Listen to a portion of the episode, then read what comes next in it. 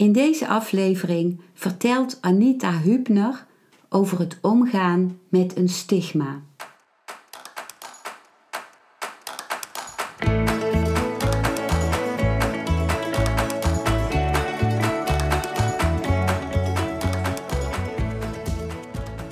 Welkom bij een nieuwe aflevering van Modita's podcast Van Pijn naar Zijn. De podcast waarin ik je meeneem voorbij de pijn in je leven naar wie je diep van binnen bent. Hoe kun je beter omgaan met je gevoelens? Hoe vind je rust in je hoofd? Wat zit er precies achter je pijn? En vooral, hoe kun je steeds meer jezelf zijn? Adem eens diep in en uit. Ik wens je veel luisterplezier.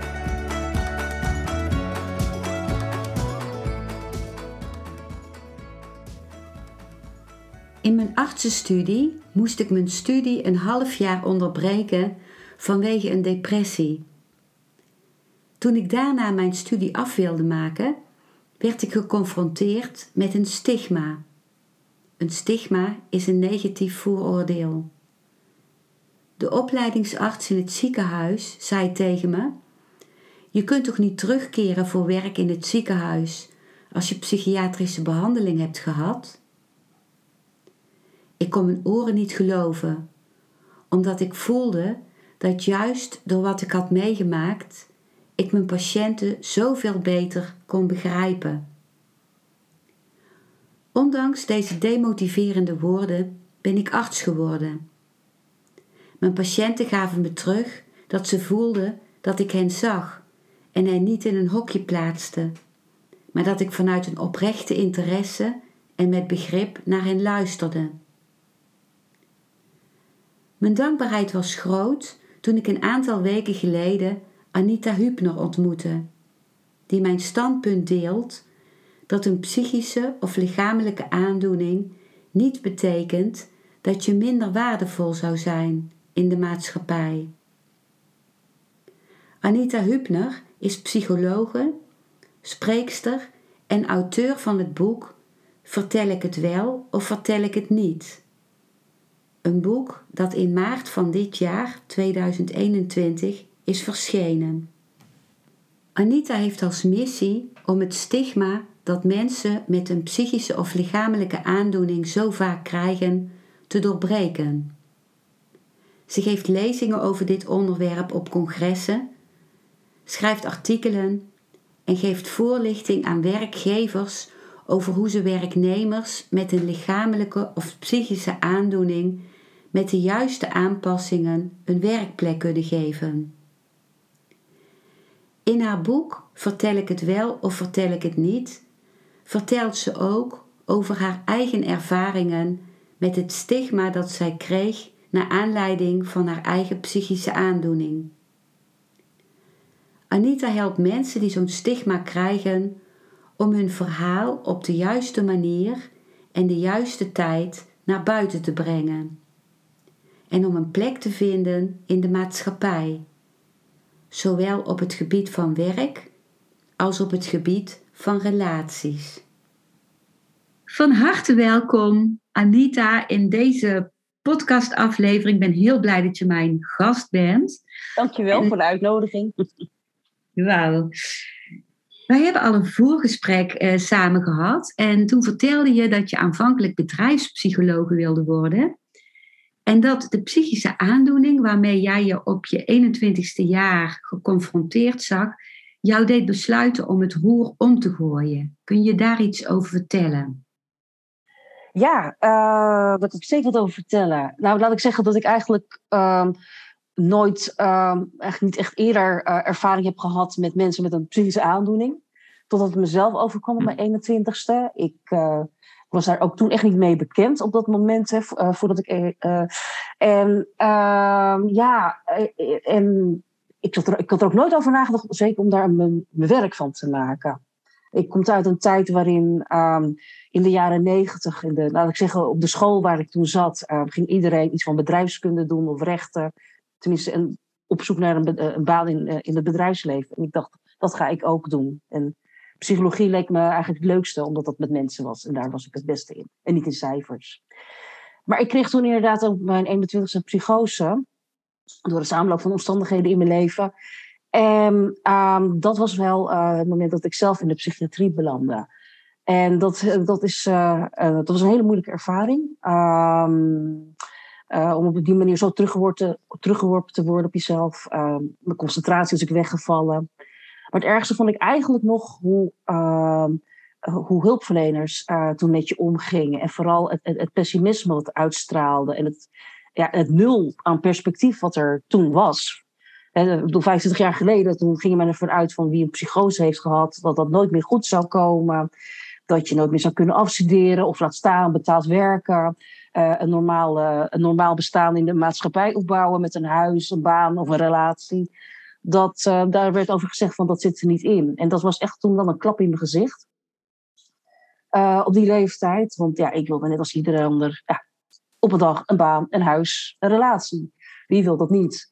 En gek genoeg heeft dus juist uh, die ervaring en juist dat, die, die pessimistische boodschap en dat, dat stigma ook, uh, wat, wat toch wel heel voelbaar is, um, dat heeft me juist besluit om wel hulpverlener te worden. En ik ben toen ook heel anders gaan kijken naar um, mijn aanvankelijke ambitie om het bedrijfsleven in te gaan. Ik dacht van nou, dat vind ik toch eigenlijk oppervlakkig. Ik wilde iets, ik, ik zag het, het in de zorg gaan als een, als een als echte werk, als iets nobels. En daarom ben ik ook de geestelijke gezondheidszorg uh, ingegaan als psycholoog. Door mijn eigen ervaring als patiënt. Wauw, wat, wat, wat moedig en krachtig om, om, ook al dat pessimisme te overwinnen. En, en desondanks die kracht in jezelf te vinden om te gaan voor waar jij voor wilde gaan. En uh, ja, heel krachtig. Ik, ik kan me voorstellen dat het ook voor de cliënten extra waardevol is. Dat jij vanuit ervaringsdeskundigheid komt. Ja, ja dat, dat hoop ik ook. En dat is. Uh, ik hoop dan ook mensen dus ook wel echt, echt perspectief en hoop te bieden. Hè? Ik bedoel, we zijn nu wat jaren verder en de inzichten zijn anders. En gelukkig zijn er heus ook wel hulpverleners die echt een stuk positiever en optimistischer en oplossingsgericht met je kunnen en willen kijken als je zoiets heftigs hebt meegemaakt. Maar ja, voor hetzelfde geld loop ik toch nog altijd mensen tegen het lijf, hulpverleners, die daar toch anders tegen aankijken en je wel die pessimistische boodschap uh, meegeven. vaak is het ook nog eens uit goede bedoelingen. Hè? Dus ik wil nou niet mensen nou heel erg de grond in boren. Mhm. Maar ja, je, ik, ik denk als je zo weinig perspectief en hoop meegeeft, dan denk ik ook dat je mensen ook vanzelf 3-0 achterzet in het leven. Dat, zou, dat vind ik zo jammer. Mm. Niet nodig, vind ik. Mm. Wat mooi. Ik vind ook heel mooi dat jij ondanks die, ja, die klap die het voor jou was, die boodschap, dat jij met compassie bent blijven kijken naar de mensen die zo'n boodschap uitzenden. En dat je zelfs die hulpverlener ehm, hebt opgezocht en daar ook een samenwerkingsrelatie mee bent aangegaan. Waarbij je ja, allebei weer de kans hebt gekregen om vanuit een nieuw perspectief te werken. Ja, dat klopt. Ja, ik was er ook echt, ja, tien jaar later, ja, na die, die eerste opname, ja, ik, ik, ik was inmiddels afgestudeerd. Ik had uh, werkervaring als psycholoog uh, opgedaan. Uh, ook, ook een flinke, flinke loopbaan daarin. Dus eigenlijk was ik ervan zelf wel van overtuigd van, nou, volgens mij heb ik echt wel meerwaarde. Ik heb mijn diploma's, ik heb echt relevante werkervaring als onderzoeker of diagnosticus. En ik heb levenservaring en, en ervaring als patiënt persoonlijk dacht van nou, volgens mij is dat een hartstikke mooie combinatie. Om benen op zijn onderzoekslijn, die dus ging op um, uh, de ontwikkeling van goede behandeling voor mensen die een eerste psychose hebben meegemaakt. Want daar was hij dus mee bezig, dat wist ik. Ik dacht nou, volgens mij ben ik, zou ik een hele goede waardevolle bijdrage kunnen leveren binnen die onderzoekslijn. Met al die kwaliteiten en ervaring. Um, dus ja, vanuit dat idee ben ik dus ook op hem afgestapt. En um, maar ja, je merkt dat hij daar heel anders op reageerde. Want op het moment dat ik dus eigenlijk me introduceerde van goh, ik heb tien jaar geleden in uw kliniek gezeten. Um, ook al had hij tegen mij gezegd dat, dat dat niet meer zou lukken met afstuderen. Nou, ik wou toch zeggen, het is me wel gelukt en ik werk. En ik zou graag nou ja, deze ervaring inzetten in uw onderzoeksprogramma. Uh, kunnen we een keer praten? Dat, zo heb ik hem aangesproken. En het eerste wat hij zei was, en dat, was, um, nou, Ehm, u kunt naar uw huisarts gaan voor een verwijsbriefje, voor een gesprek met mij. Dus bij hem was er een soort beeld ontstaan, of een soort reflex van, oh, dit is een ex-patiënt. Ehm, ik ben psychiater, ik ben haar behandelaar geweest. Dus als zij uh, vanuit de relatie, uh, zij is patiënt, ik ben nog behandelaar nou ja, geweest, dan hoort daar eerst een formele doorverwijzing bij van een externe instantie. In, in die reflex zat hij. Dus niet, hij kon me dus niet zien als van, nou, dit is een, een patiënt die hersteld is en weer meedoet. En um, eigenlijk gewoon als, nou ja, misschien toekomstig collega hè, een oriënteerd gesprek wil voeren. En dat heeft me wel echt een klap gegeven. Want ik voelde me zo weer teruggezet in de tijd. En um, ik weet nog dat er mensen om ons heen stonden die dat ook, nou, dat stukje opvingen en nou, echt verbijsterd waren. Omdat ze natuurlijk ook, die zagen heel snel van, oh, dit is helemaal fout, dit is helemaal fout. En um, toen hij ook nog dat, dat zich wel realiseerde van, oh, volgens mij heb ik iets, iets uh, heel onhandigs gezegd. Toen heeft hij dat nog getracht uh, te herstellen met een visitekaartje. Te zeggen, nou, uh, dit is mijn kaartje. Maar het is wel een hele hoge uitzondering dat je mijn kaartje krijgt. Mm. want dat doe ik niet naar ex-patiënten. Ja, en, en dat, dat, nou ja, dat was echt voor mij een trap na. dat was zijn goede bedoeling, maar voor mij was het een trap na. Dat er gewoon een eeuwig verschil kennelijk is als je eenmaal patiënt bent geweest. Oké, ja, dat begrijp ik heel goed. Ja, dat was eigenlijk het visitekaartje en dan weer dezelfde boodschap. Uh, ja, het is een uitzondering hè, dat je die krijgt, want dat doen we niet ja. naar patiënten. Ja, ja, ja, goh. Um, Anita, jaren later, uh, na deze uh, omslag, hè, dat je besloot om um, de zorg in te gaan, de geestelijke gezondheidszorg, zag je een oproep voorbij komen van het ministerie van Volksgezondheid, Welzijn en Sport om te vertellen over je ervaringen met het hebben van een stigma. Ja. Kun jij iets vertellen over het proces dat dit bij jou in gang zette en wat je deed besluiten om gehoor te geven aan deze oproep? Nou, wat ik vooral echt belangrijk vond, was echt het onderwerp waar daarover ging. Want in de geestelijke gezondheidszorg, hè, dan ga je vaak mensen natuurlijk wel helpen met nou ja, de, aandoening die ze hebben, de klachten. Vaak komen ze in crisis bij je binnen. En dan ga je, ze, uh, ga je een behandeling trek met ze aan, waardoor ze weer stabiel worden. Maar alles is heel erg op die ziekte gericht. Maar eigenlijk min, nog niet zo erg, niet zozeer op, um, ja, ik noem het het stigma wat daarop op heerst. Hè. Dus op een gegeven moment kom je namelijk weer even deelnemen aan de maatschappij. Dus dat wil je graag. Hè. Je zou weer willen gaan solliciteren, je wil werken, maar je krijgt soms ook met nare reacties te maken. Nou, al, die, al deze voorbeelden die ik nu noem, dat is nou eigenlijk wat een stigma in de praktijk inhoudt. En um, voor mij was dat, dat persoonlijk het grootste probleem eigenlijk. Van hoe moet ik daarmee omgaan? En er was eigenlijk ook nooit zoveel aandacht voor binnen de opleiding. Van hoe help jij mensen daar nou mee? Terwijl dit nou eigenlijk juist gek genoeg het grootste probleem is. Wat mensen rapporteren als ze eenmaal weer stabiel zijn. En wat vroeg of laat word je toch wel stabiel. Maar de terugkeer naar de maatschappij en, je contacten weer herstellen. Uh, misschien weer een baan. Misschien weer op zoek gaan naar een nieuwe relatie. Dat zijn veel moeilijkere dingen. En dat, dat congres ging dus helemaal over dit onderwerp. En toen dacht ik, ja, ik, ik wil daar wat mee. En um, ik moet ook zeggen dat ik tegen die tijd ook al tegen de 40 liep. En dat ik ook al heel lang heb gedacht, zal ik een keertje dat toch um, ook echt zo'n uh, daar openheid over geven? Want uiteindelijk is het mijn drijfveer geweest om psycholoog te worden. Uh, omdat ik zelf natuurlijk in de psychiatrie heb gezeten. En zelf bekend ben met, nou, in mijn geval, bipolaire stoornis. En hoe dat is om daarmee te leven.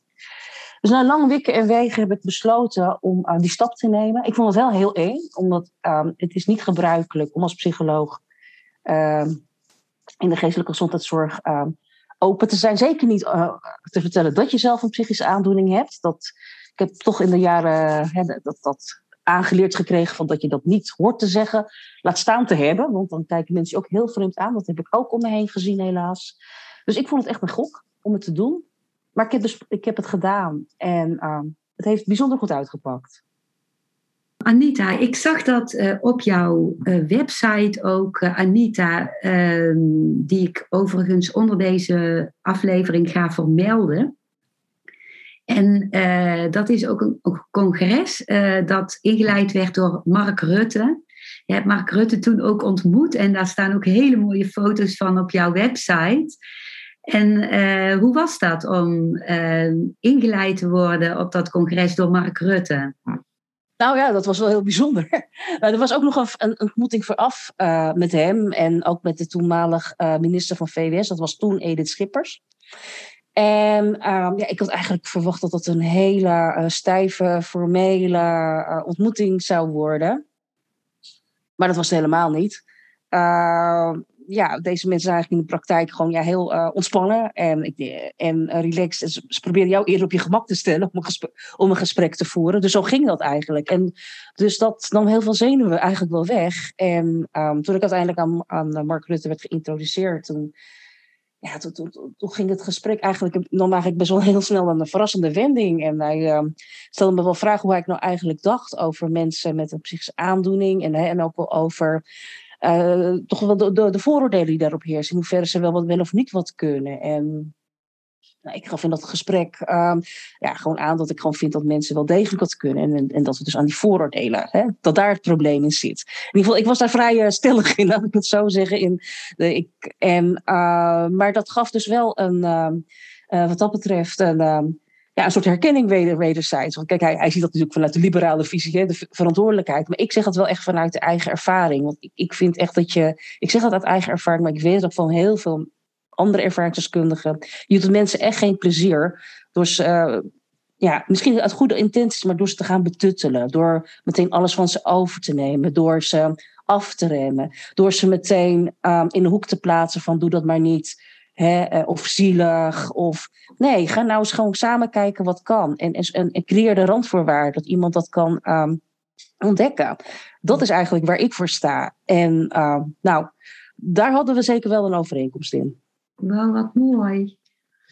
En ik, ik, ik, uh, wat ik ook zag uh, of las op jouw website is dat dat congres, dat heeft echt een bouw aan het rollen gebracht. Hè? Waarbij jij heel veel bent uitgenodigd voor congressen, voor een TED-talk.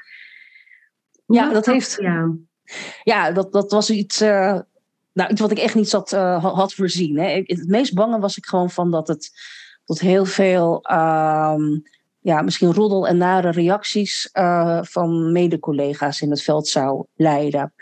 Uh, daar was ik eigenlijk het meest bang voor. Ik had, me er, ik had me erop voorbereid dat dat zou gebeuren, maar eigenlijk had ik daar eigenlijk het meest rekening mee gehouden.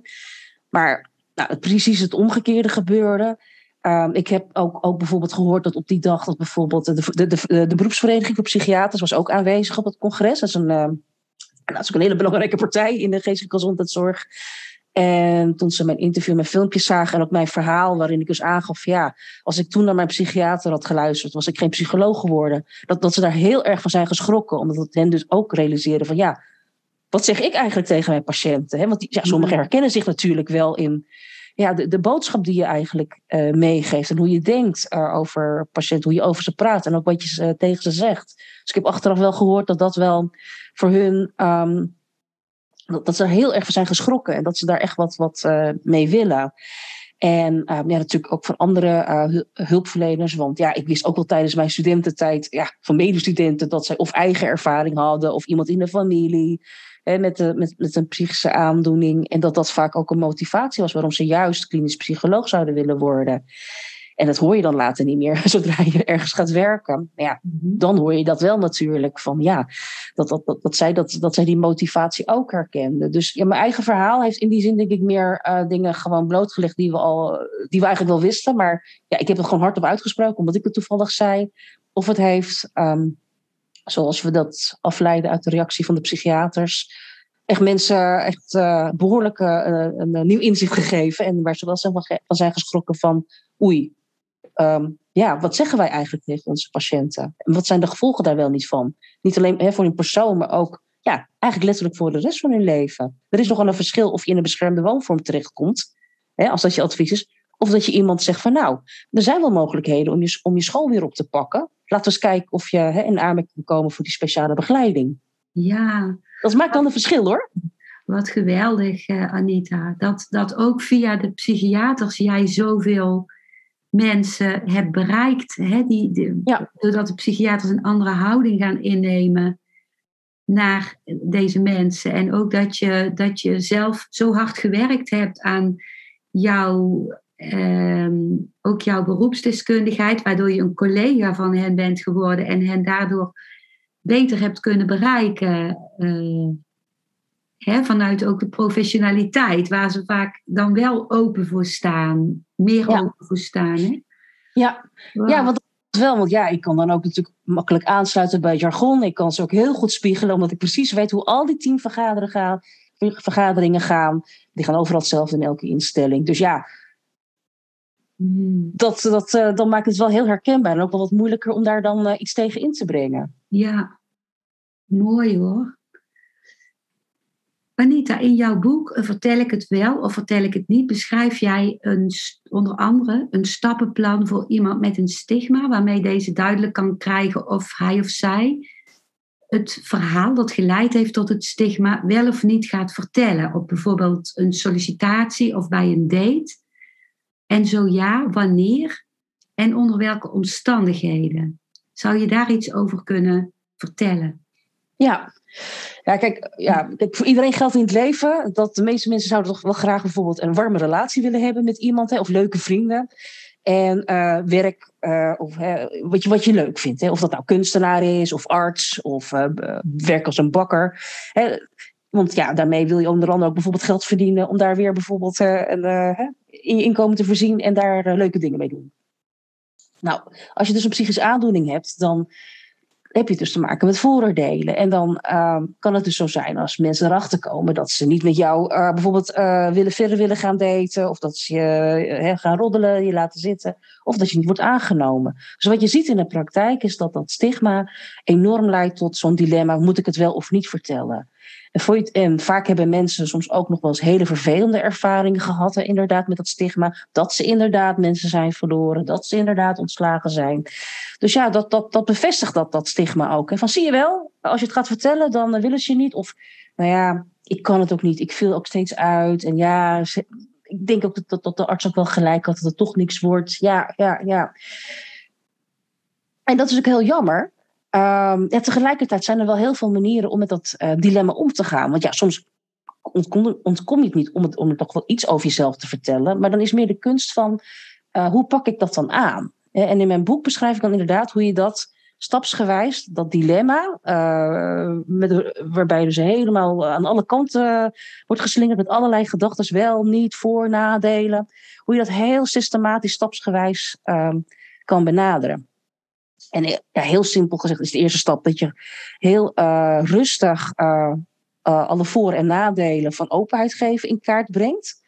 Zodat je dus op een gegeven moment voor jezelf letterlijk een overzicht hebt van nou, volgens mij heb ik hier nu een argument te pakken waarom ik het ga doen. En zoals in mijn geval, toen ik besloot, ga ik openheid geven of niet op dat congres? Want ik had natuurlijk best wel veel opgebouwd aan loopbaan. Hè? En laat ik zeggen, toen, als ik dat zou hebben uitgetekend, waren er meer negatieve kanten om het te doen, rationeel gezien, dan positieve kanten. Dus meer negatief. Dan zou je rationeel denken, dan doe je het dus niet. Hè? En toch was het voordeel uh, om het wel te doen, dat ene argument, dat was zo zwaarwegend, namelijk het gevoel van spijt. Ik dacht, nou ja, en dat kan, het, dat kan zo'n overzicht uh, ook opleveren. Dan, dan heb je maar één argument nodig om het wel te doen. Want, maar dat weegt zo zwaar, ja, dat overstijgt alles. Dus dat, hè, daar kan zo'n eerste stap uh, je al bij helpen. Nou, vervolgens heb je natuurlijk ook nog een tweede stap. Dat je dan dus gaat bedenken van eh, in, onder welke omstandigheden aan wie ga je het vertellen. En dan kun je natuurlijk er ook voor jezelf over nadenken. Wat zijn de voor- en nadelen? Dus ik heb natuurlijk ook heel goed nagedacht. Wat zijn de voor- en nadelen als ik het zo publiekelijk vertel? ben ik bereid dat risico te nemen? Kan ik met die nadelen omgaan? Nou, et cetera. dus er is geen goed of fout wat ik aangeef in mijn boek. Maar het is gewoon goed om te bedenken. Wat zijn de voor- en nadelen daarvan? En wat vind je daarvan? Hè? En kun je daarmee dealen, denk je, als dat zo gebeurt? Dat is eigenlijk de vraag die je moet stellen. Hmm. Zonder nou een oordeel te geven over het is, je moet het wel of niet doen. Nou, tot slot geef ik dan ook nog een format mee in mijn boek. Ja, hoe moet je het dan vertellen en wat vertel je dan? Nou, daar geef ik ook sowieso een aantal tips bij. En belangrijke tips zijn onder andere om het goed te doseren wat je vertelt. En timing is ook echt belangrijk. Um, en je hoeft ook echt niet alles te vertellen gewoon vertel gewoon wat relevant is. En zorg er ook voor dat het verhaal wat je vertelt, dat het ook een mooi evenwichtig verhaal is van uh, waarbij je hè, zowel je, kwetsbaar of je kwetsbaarheden vertelt. En ook de moeilijke momenten, maar ook juist de krachtige momenten. Of, eh, of dingen die je hebt overwonnen. Uh, hoe je in het dagelijks leven hè, met je beperkingen omgaat.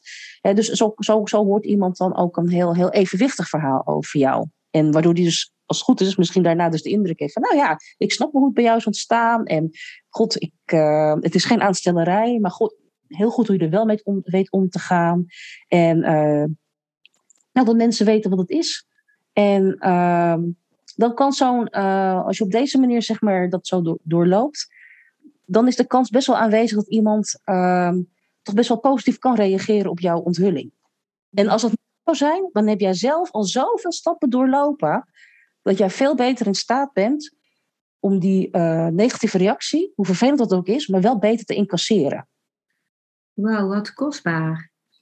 Dat je zowel uh, begeleidt in de zin van ga ik het vertellen en hoe ga ik het vertellen, ja. als dat je werkt aan de container die iemand ja. heeft, om iets te kunnen incasseren, ook als het ja.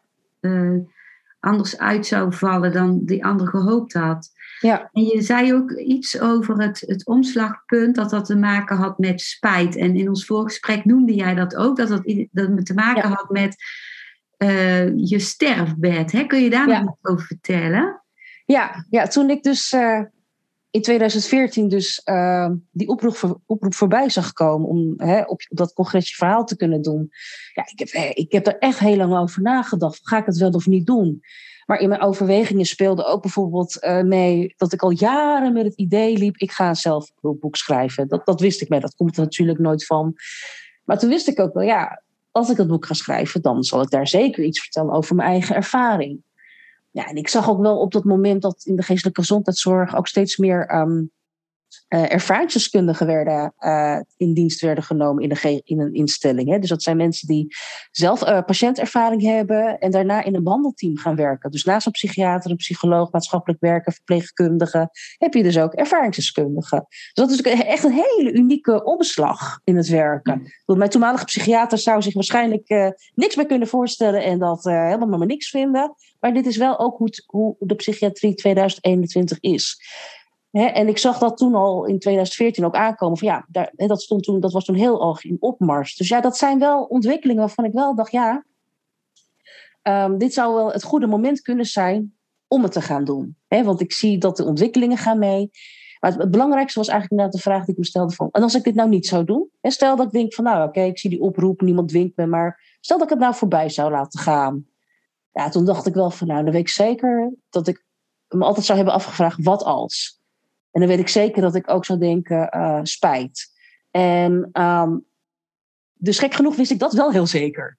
Van als ik het niet zou doen. Dat was het eerste wat zo sterk naar boven kwam. Gewoon een gevoel van spijt. En vooral het gevoel van wat als. Nou, daar kan ik al helemaal niet tegen. Dan kun je maar beter gewoon de gok nemen en kijken wat er echt gebeurt. En dan met de gevolgen leren te, om te gaan die dat daadwerkelijk oplevert. Dus da daarom heb ik het gedaan, omdat ik zeker wist als ik het niet doe, ga ik spijt krijgen. Ja, ja, want toen kwam je ook iemand tegen die zei van als je op je sterfbed af zou vragen waar heb je spijt van gehad, dan zou dit geweest zijn. Uh... Ja, ja, het is een, uh, onder andere een, een, vraag die komt uit het boek van Stefan Covey, de, of The Seven Habits. Mm -hmm. En daar is ook een Nederlandse vertaling van.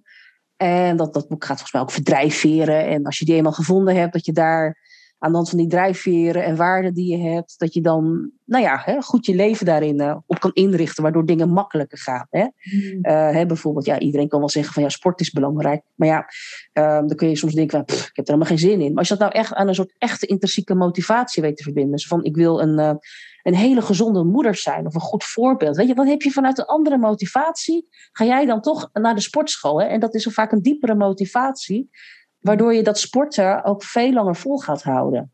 Okay. Omdat je weet van, ik wil, ik doe dit vanuit een motivatie.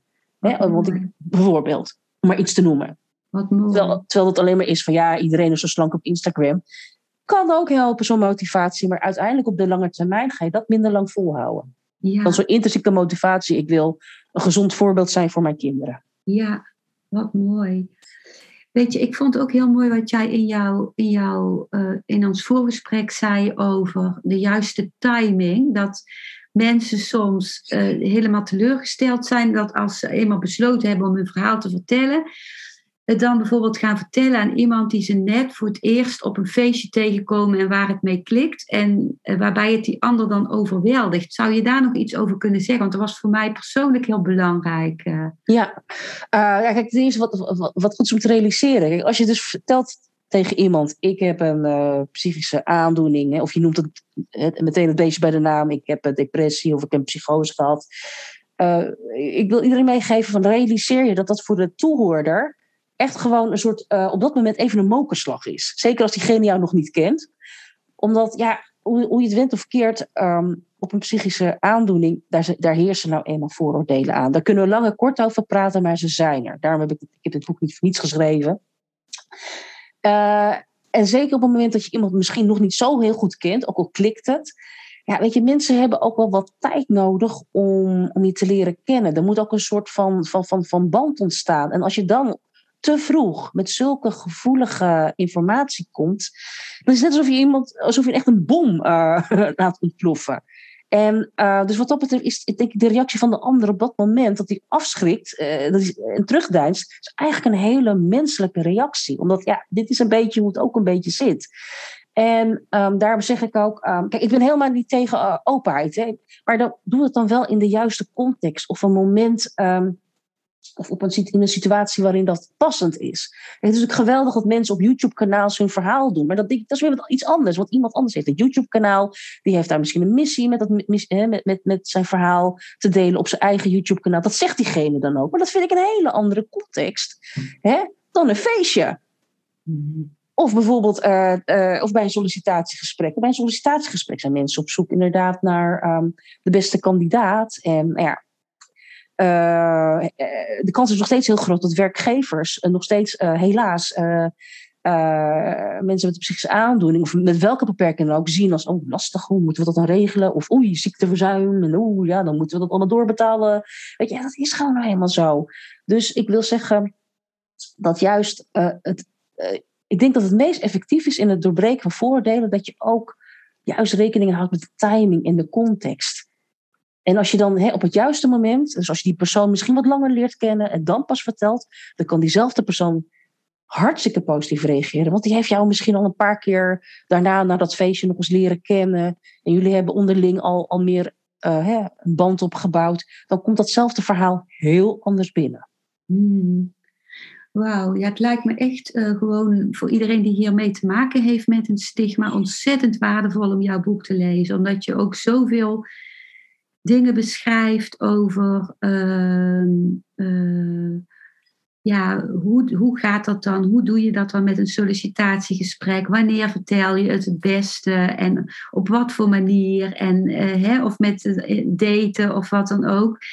Ik heb zelf helaas het boek nog niet gelezen, maar ik, wat jij mij ervan verteld hebt en de voorbeelden die je mij hebt gezegd, lijkt het mij gewoon echt dat je bij de hand wordt genomen door jou. En op een hele realistische manier en tegelijkertijd op een hele invoelende manier. Nou, dankjewel. Ja. ja. Op wat voor manier, Anita, help jij HR-managers en werkgevers om de stigmatisering van hun werknemers meer los te laten? Ja. Nou, dat is een hele mooie vraag, uh, want daar ben ik inderdaad heel erg mee bezig met deze groep.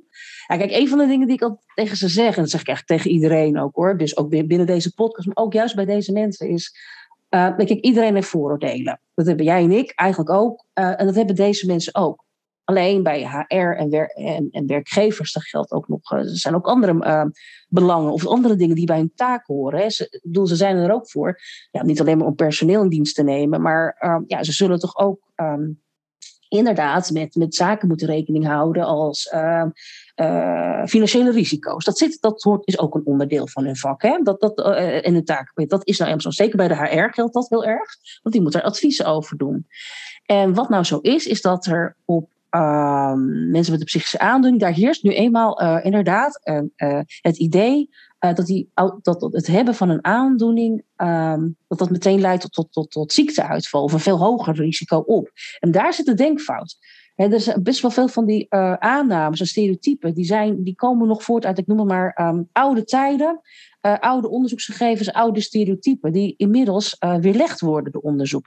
En dat is het ingewikkelde, om daarvan mensen te zien te overtuigen dat die kennis heel anders is. En dat is, daar zit ook de uitdaging in.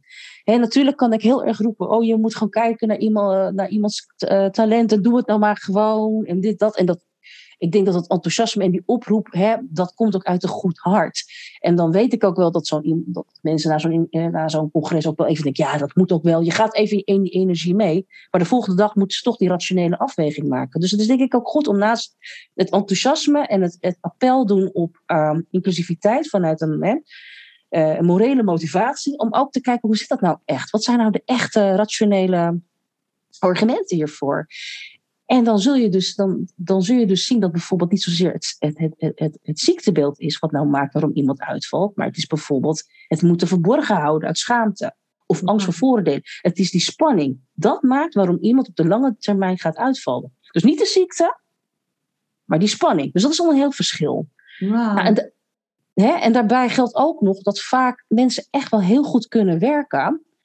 Maar dan zul je wel bijvoorbeeld uh, uh, met elkaar om de tafel moeten gaan zitten en ook kijken van en vragen van wat heb jij nodig om goed te werken. En dus ook bereid zijn om daar mee te werken natuurlijk. Hè? Dus kijk, wat dat betreft heeft de corona-situatie misschien iets heel moois opgeleverd. Kijk, voorheen zou het, zou het zo kunnen zijn dat iemand zegt, ja, ik zou van de vier dagen van dit dienstverband het liefst eigenlijk twee dagen thuiswerken. Want dan kan ik een beetje bijkomen van de prikkels, hè, van die ene werkdag op kantoor, van al die meetings. En dan kan ik thuis rustig uh, mijn rapportages uitwerken. En dan heb ik een dag vrij en dan kom ik donderdag of vrijdag weer.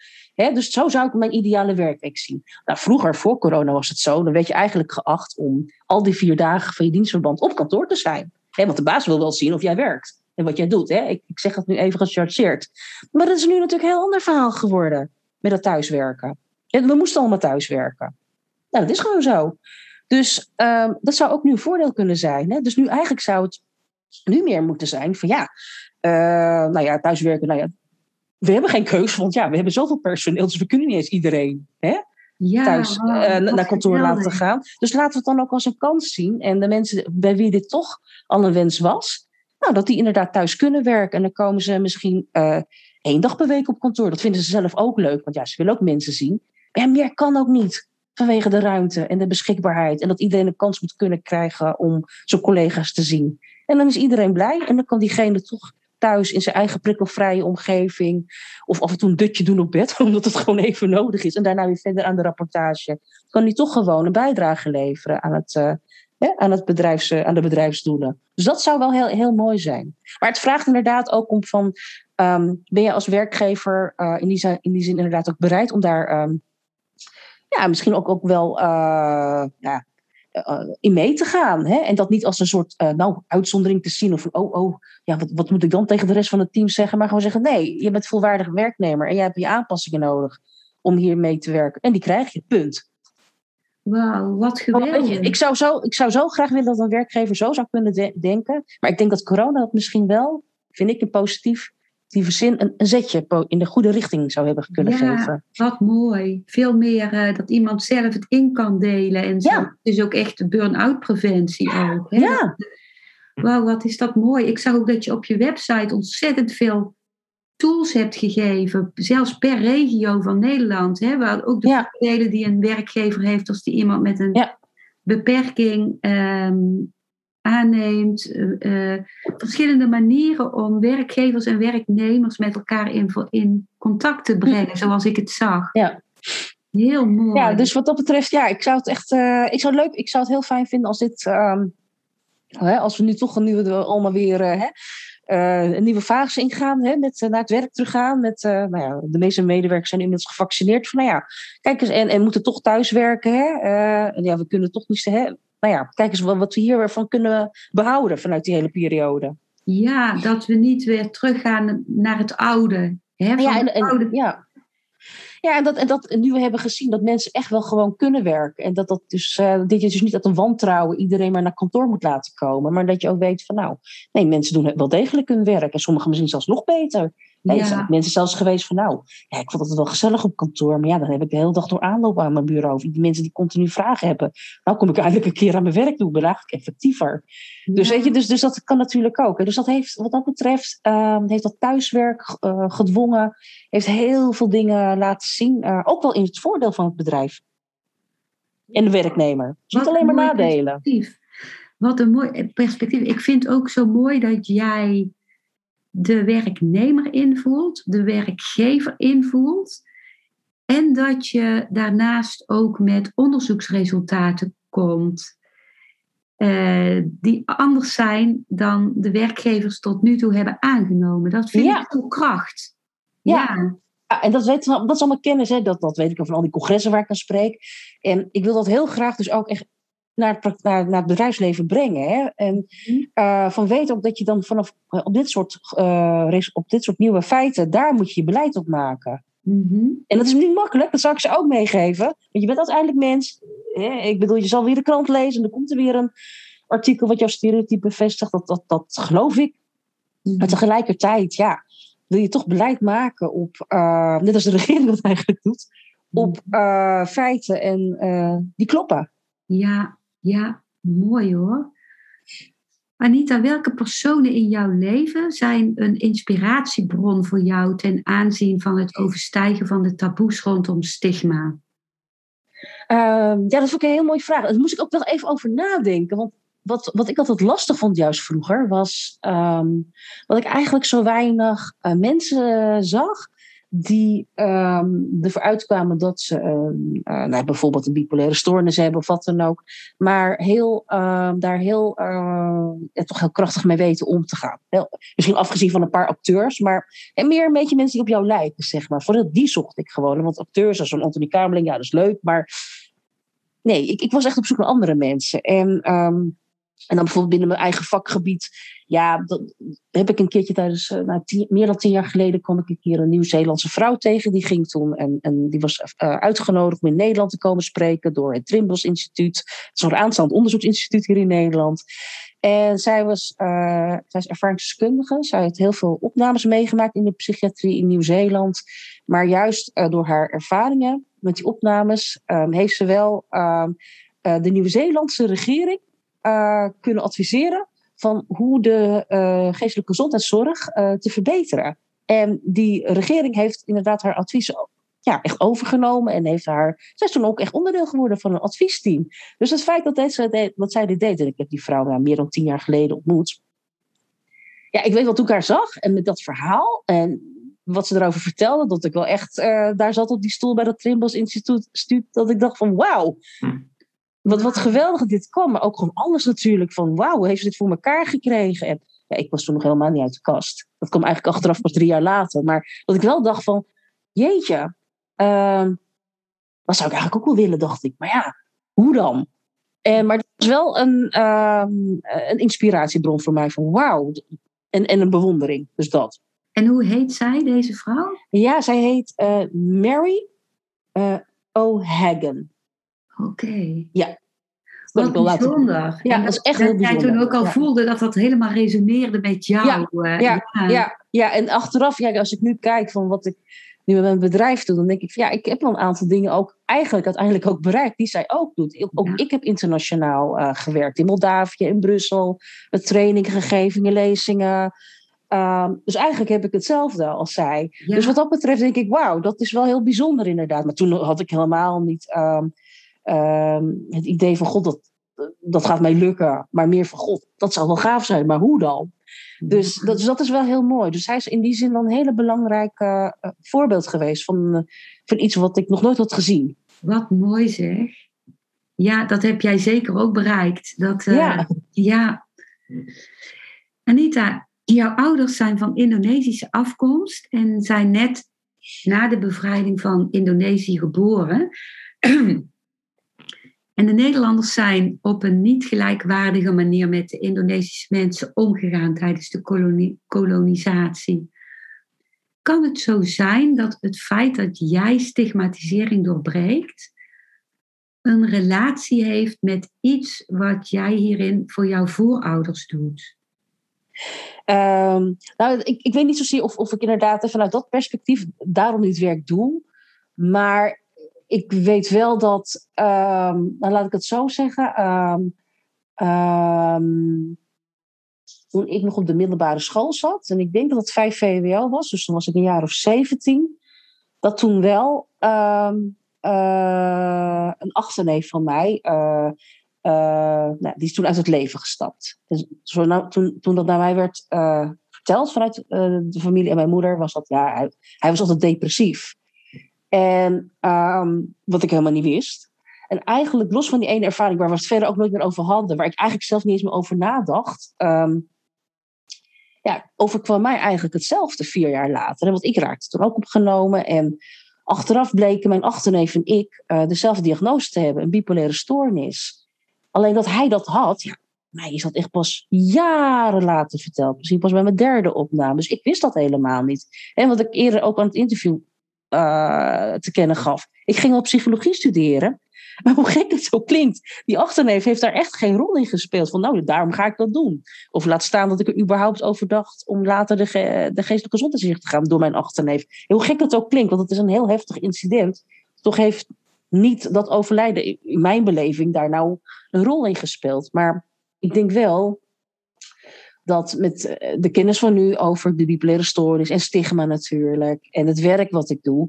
Ik denk, stel dat mijn achterneef nou nu had geleefd, hè, op die leeftijd van 21 toen hij nou ja, uit het leven stapte. En stel dat hij nu wel bijvoorbeeld met mijn boek in aanraking was gekomen. En stel dat, hè, en, de inzichten die we nu wel hebben, om mensen weer goed te begeleiden.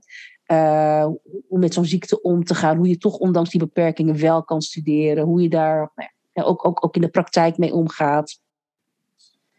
Ik denk wel dat het anders was gelopen. Want ja, he, jaren, uh, eh, 50 jaar geleden waren de inzichten anders. En natuurlijk ook ja, schaamte, het niet praten. Nou ja, dat is. We zijn 50 jaar verder. Ik bedoel, ik denk wel dat we er zeker in zijn uh, verbeter, verbeteringen in hebben. Maar dat wil nog niet zeggen dat het nog steeds zo vanzelfsprekend is. Mm -hmm. Om erover te praten. Hè. Dat, dat, hè.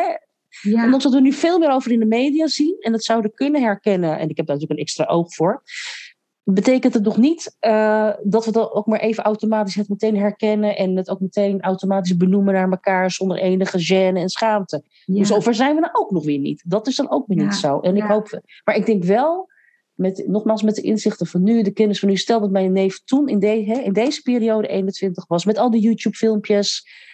Ja, ik kan me wel voorstellen dat. Hè, dat het dan wel anders is gelopen. Hè? Mm. Je, hebt, je hebt nu ook bijvoorbeeld 113. Hè? Dus als, al zou die inderdaad die gedachten hebben en hij weet dat, dan had mm-hmm. hij daar zijn hulp kunnen zoeken. En uh, ik hoop daar dus eigenlijk met mijn boek daar toch wel een bijdrage aan te leveren ook. Binnen dit alles.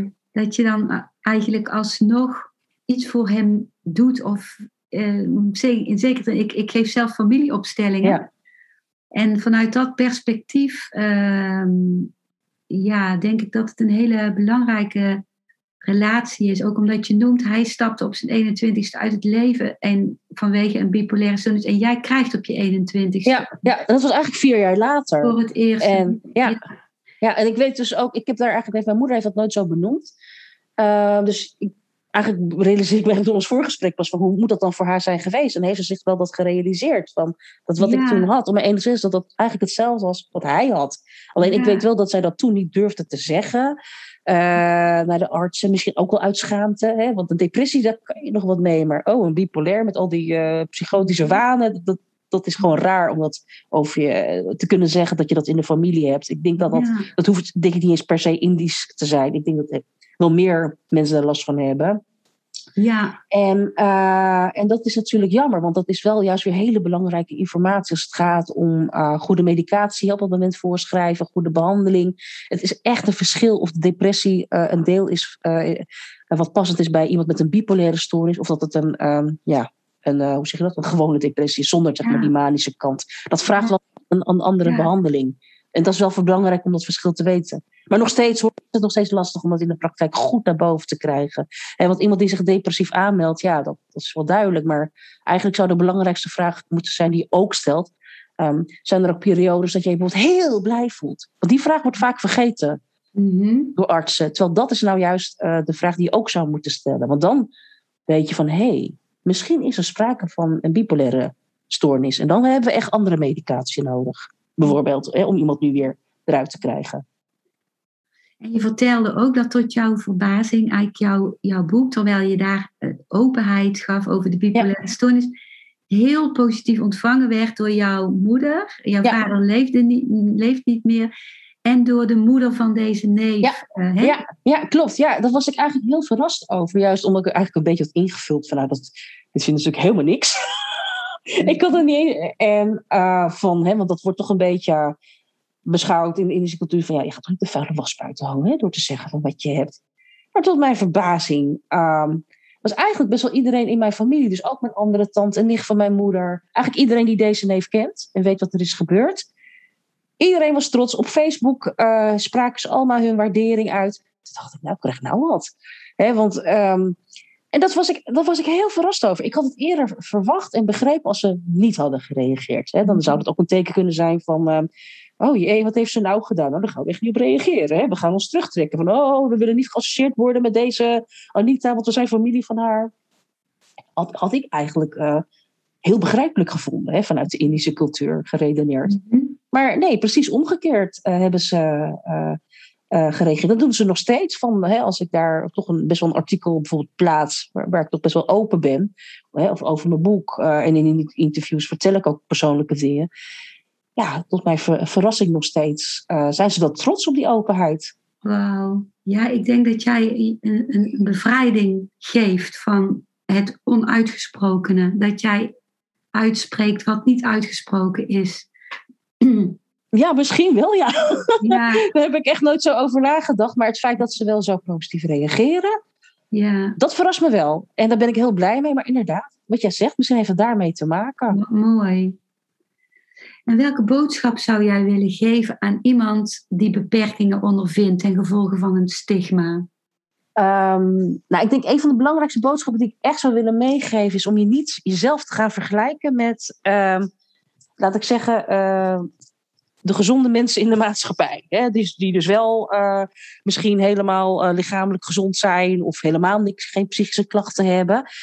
Uh, dat is mijn eigen valkuil, daarom zeg ik het ook. Want als je dat doet, dan kan het wel zo gebeuren dat je misschien jezelf minder waardig gaat voelen. Zo van, oh, ik kan niet zo hard werken als hè, uh, iemand uh, die dat wel 40 uur kan. En zoals ik dat nu ook zie met mijn man, die kan heel hard werken. Echt, echt die kan makkelijk meer dan 40 uur werken. Nou, ik hou dat dus gewoon niet vol. En er zijn echt wel, zeker in de pandemie, ook momenten geweest dat ik me daar heel onzeker over voelde. En ook stom. Echt zo van, nou, ben ik nog een sukkel en een aansteller. Kom op. En je kan nog wat meer. Of, um, nou, ook als je niet 20, meer dan 20 uur aan je bedrijf kan werken, dan kan je nog wel de rest van het huishouden doen. Of dat, dat. Terwijl ik, ja, ik ben, ja, ik heb die kwetsbaarheid. En ik, mijn man zegt ook, ja, zie nou eens onder ogen. Um, ja, je hebt gewoon een beperking. Dat is ook door het UWV vastgesteld. Dus kom op. Uh, dit is gewoon zo. En dat is nog steeds voor mij een, soms een strijd. Maar daarom wil ik wel iedereen meegeven van accepteer gewoon hè, dat het er is en dat dat niet jou minder waardig maakt. Dat is mijn eigen, dat is mijn eigen uitdaging maar toch een uit boodschap die ik mee wil geven. En, um, maar dat je toch ondanks dat, um, met wat je wel hebt en wat je wel kan, dat je daar gewoon echt wel uh, die dingen kan bereiken die je wil. En misschien duurt dat gewoon langer hè, dan een ander. Hè? Uh, misschien had een ander misschien wel, uh, weet ik veel, dat boek nog veel sneller geschreven dan ik of zo. Ik zeg maar wat. Hè? dat zou zomaar kunnen. Maar eh, vergelijk jezelf daar niet mee. Ik bedoel, jij doet gewoon de dingen die jij wil en kan in jouw tempo. En dat is hartstikke goed. Mhm. Dus, en, uh, dus ga uit van je eigen kracht en, en wat je wel hebt. En um, het is leuk om je te laten inspireren door anderen, of ze nou wel of niet uh, beperkt zijn. Maar ga niet jezelf minder waardig voelen omdat jij niet iets kan wat een ander wel kan. Mm, wat mooi gezegd. En, en ook Um, ik herken wat jij zegt, maar ik, ik, ik denk ook meteen als je het zo noemt van dat in onze maatschappij zoveel uitgedrukt wordt in de uren die je werkt en in de ja. snelheid waarmee je iets doet. Hè? Terwijl, ja. Uh, ja, wat geeft nou waarde? Hè? Je zei ja. van ondanks je beperking, maar misschien ook vaak dankzij je beperkingen, dat je zoveel diepgang brengt in wat je doet. Ja, ja, ik denk wel heel goed na over wat ik doe. En uh, daar maak ik ook wel bewuste keuzes in. En, uh, dus ja, ik denk wel dat waar ik wel goed in ben, is de goede keuzes maken. Hè, die ja. ook uh, uh, vaak soms ook wel pas op de langere termijn echt iets opleveren, ook zakelijk gezien. Maar ehm, daar ben ik wel heel goed in. Dus juist omdat ik weet, ik heb gewoon niet veel meer tijd in mijn week. Ik weet dat mijn dag zo en zo gaat lopen qua energieverdeling. Ja, hou ik daar gewoon rekening mee. En dan weet ik toch door slim uh, met mijn tijd en energie om te gaan, toch uh, vooruit te komen. En misschien was ik inderdaad hoor, met, uh, als ik, zonder beperkingen, was ik misschien, wel, misschien nog weer twee keer zo ver in mijn bedrijf dan wat ik had bedacht of wat ik zo nog meer zou willen doen. Maar oké, okay, dat, dat geeft niet. Dus dat, dat, zeg ik nu tegen mezelf, maar dat, dat zeg ik al vaker tegen mezelf. Dat is dan maar zo. Ja, wat mooi. Wat mooi dat je dat zo jezelf kennen, kent en daar je, je, je levensritme op inricht. Ja. En ja, een hele mooie boodschap vind ik. En welke boodschap zou je willen geven aan werkgevers die te maken hebben met iemand met een psychische of lichamelijke aandoening? Ja, uh, eigenlijk zou ik wel willen uh, meegeven dat, uh, en dat is ik echt misschien een soort, soort uh, diepere visie, vind ik hoor, die eigenlijk iedereen de maatschappij eigenlijk misschien zou moeten hebben over mensen met een psychische of lichamelijke beperking. Ehm, dat, dat mensen zijn die eigenlijk precies hetzelfde willen en kunnen zoals gezonde mensen. Dus iedereen wil ook werken en iedereen kan werken. Het enige wat wel anders is, is dat er ehm, wel aanpassingen soms nodig zijn. Hè? Ehm, in, ehm, in bijvoorbeeld het aantal uren of, of op de werkvloer. En daar zit hem het verschil. En ik zou graag willen zien dat we anders leren kijken naar mensen met een beperking. Dat ze, want ik moet ook eerlijk zeggen, hoor, juist door mijn eigen werk. Hè, ik zit ook uh, bij het College voor de Rechten van de Mensen. Dan zit ik ook in een klankbordgroep. Dat richt zich op, nou, dat heet dan het VN-verdrag handicap. Dat is een hele mond vol. Maar dat, dat, dat zet zich juist in de, voor inclusie van alle mensen met een beperking. Eh, dat mensen eh, zelfstandig kunnen meedoen aan de ma maatschappij. En werk is daar een onderdeel van. Maar je moet ook denken aan, hè, ehm, kijk, ehm, ik vind het ook bijvoorbeeld leuk, en misschien jij ook wel, om eens een keertje een avondje naar de bioscoop te gaan, of naar het theater, hè, of winkelen. Maar, uh, en soms moet je daar misschien de trein voor pakken als je bijvoorbeeld in een andere stad wil gaan winkelen. Hè. Ik, ik, zeg maar wat. Of je hebt een vrienden in een andere stad wonen waar je wat leuks mee wilt doen. Maar voor mensen met een, bijvoorbeeld een lichamelijke beperking die in een rolstoel zitten, zijn dat soort acties niet zo vanzelfsprekend. En die moeten er heel veel voor regelen om dat bijvoorbeeld te doen. En uh, ik zit me dus ook in dat op die gebieden mensen toch zelfstandig dat kunnen doen. Dat ze niet altijd maar weer afhankelijk zijn van iemand die ze brengt en dat soort dingen. En, en dat zijn eigenlijk uh, dingen waar we denk ik uh, allemaal, dus ook werkgevers, eh, anders moeten leren kijken. Dat mensen eigenlijk helemaal niet zielig zijn. En dat ze eigenlijk hetzelfde willen, maar dat ze wel dingen nodig hebben om uh, mee te kunnen doen. En dat dat het enige verschil is. En dat je daar dus inderdaad, hè, wat ik eerder ook zei, um, dat je dus die, die houding moet kunnen hebben van jij bent een volwaardig mens. Ook al heb je misschien niet die benen, um, je bent volwaardig. Ook al kun je misschien, heb je een arbeidscapaciteit van 50%, nog steeds ben je volwaardig voor mij. En ik ga gewoon uh, datgene aanbieden wat jij nodig hebt. Hè? Om op jouw manier uh, de bijdrage te leveren. En, want wat ik ook weet van mensen die bijvoorbeeld uh, lichamelijk gehandicapt zijn, of misschien blind of slechthorend, ja, allemaal dingen waarvan ik denk uh, dat ik eigenlijk blij ben dat ik dat allemaal niet heb. Ook zij hebben allemaal leren leef, uh, leven met die beperking. Maar waar we allemaal tegenaan lopen, is juist, zijn juist de vooroordelen. En dat is ook wat ik van hun leer. Hè? Want ik moet ook, ik zou er niet aan moeten denken dat ik nu blind zou zijn, bijvoorbeeld. Hè? Of in een rolstoel zou zitten. Ik vind sporten leuk. En, en blind. Ja, ik, ik ga graag naar een museum. En ook praktisch. Maar al die mensen hebben. Voor hun is dat gek genoeg als je zou bevragen. natuurlijk is er vaak wel een fase aan vooraf gegaan van dat ze het hebben, hebben moeten accepteren. Maar uiteindelijk zeggen ze vaak. Weet je, het is eigenlijk niet zozeer de handicap die het probleem is, maar het is wel hoe de samenleving is ingericht. Waardoor het voor mij moeilijker wordt hmm. om uh, naar, er, hè, naar, naar iets te ondernemen. Terwijl dat in andere landen veel beter is geregeld om ons heen, gek genoeg. Ja, ja. Dus we moeten weg van dat medisch model, een zielig model, en hoe moeilijk het ook is, maar gewoon echt denken van, ook al heb ik hier iemand voor me die gewoon blind is, uh, in een rolstoel, uh, psychisch beperkt. Dit is, uh, hij of zij is volwaardig en die brengt op zijn of haar manier ook waarde. En die is helemaal niet zielig. En dat is best wel moeilijk soms om los te laten. Ik herken dat ook hoor, absoluut. Mm -hmm. Maar het is helemaal niet zielig. Maar iedereen, en dat is wel wat ons verbindt, de vooroordelen.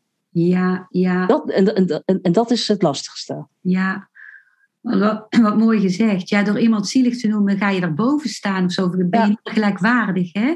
En ze voelen zich vaak ook helemaal niet zielig. ja. En uh, het, het, is, het is meer de ander die, die ervan maakt van... Oh, dat is wel heel erg, hè, de rolstoel.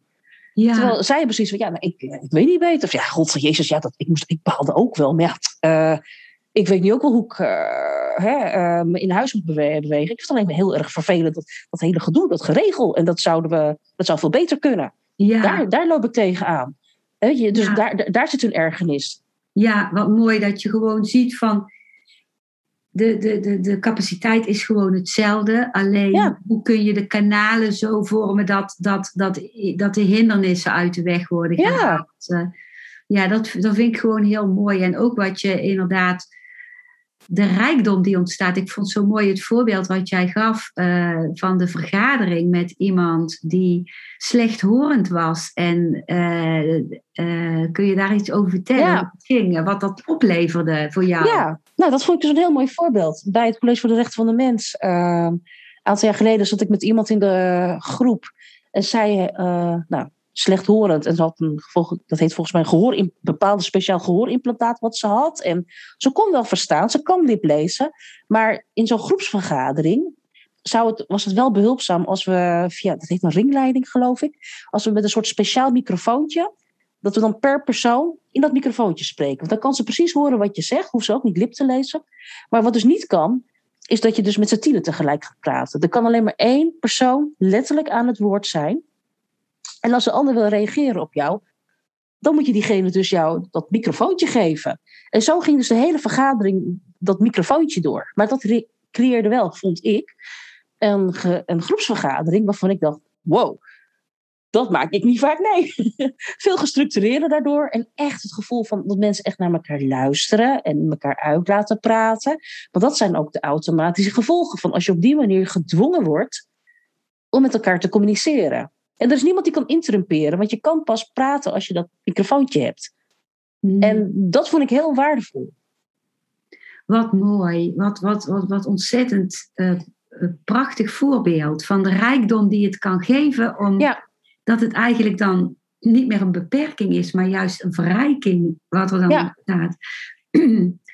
Nou, Anita, jij hebt zoveel waardevols te delen. Uh, ik wilde jou vragen van hoe kunnen mensen jou bereiken als ze advies van jou willen of als ze jou als spreekster willen uitnodigen? Dat geldt vooral natuurlijk voor mensen met een beperking als voor de werkgevers. Ja. Uh, wat ik heel leuk vind, is uh, het meest makkelijke is ook, denk ik, uh, dat je van naar mijn website gaat. Mm -hmm. www.anitahubner.nl En als het goed is, gaan ze die ook hè, in jouw beschrijving zien. Mm -hmm. daar staat alle contactinformatie op een rijtje. En ik ben ook zeker op, op social media te vinden. Maar via mijn website, daar is een contactformulier voor. Daar kunnen mensen altijd gewoon invullen. En dan krijg ik dat als een e-mail binnen. Uh, dus zo kunnen mensen mij benaderen. Oké. En ik vind het hartstikke leuk als mensen me willen gaan volgen. Of linken op, op social media. Wauw, wat een, wat een hartelijke uitnodiging, Anita. Dat, ik zet ook zeker jou, de link naar jouw website op de, onder de, op de, in de beschrijving onder deze podcast. En ook de link naar jouw boek. Ja, leuk. Want dat is ook zo kostbaar wat je daarin deelt. En ik hoop dus dat heel veel mensen de weg zullen vinden naar Anita. En ik ervaar jou zelf als heel laagdrempelig en heel hartelijk. Dus uh, ja, ik denk dat ze daar eh, heel, heel veel rijker van zullen zijn. En ik vind het ook heel leuk als mensen ofwel naar Anita ofwel uh, naar mij, of liefst naar allebei, reageren op deze podcastaflevering. Heel hartelijk dank Anita voor het, het, de kostbare wat jij gedeeld hebt. Nou, dankjewel dat je me in de uitzending hebt uitgenodigd. En uh, ja, ik, uh, ik, ik, ik hoop dat heel veel mensen hier uh, veel waarde aan hebben ontleend. Dankjewel voor het luisteren naar deze aflevering. Ik hoop dat hij je een nieuw inzicht of perspectief heeft gegeven. Ik hou van interactie, dus als je iets wilt delen, stuur me dan een mailtje op info.genietenvanmeditatie.nl. Ik geef je dan altijd antwoord. Ik wens jou dat je vreugde in het dagelijks leven zult ervaren en innerlijke rust en dat je steeds meer je pijn zult kunnen omvormen in zijn. Je kunt de afleveringen van deze podcast volgen via Spotify, Google Podcast, Apple Podcast en Podbean door op de volg- of abonneerknop te klikken. Als je luistert via de Apple Podcast, dat kan alleen als je een iPhone hebt, heb je een extra voordeel omdat als je op de knop abonneren klikt, je steeds een berichtje op je mobiele telefoon ontvangt als er weer een volgende aflevering van mijn podcast verschijnt. Je bent van harte welkom bij die volgende aflevering.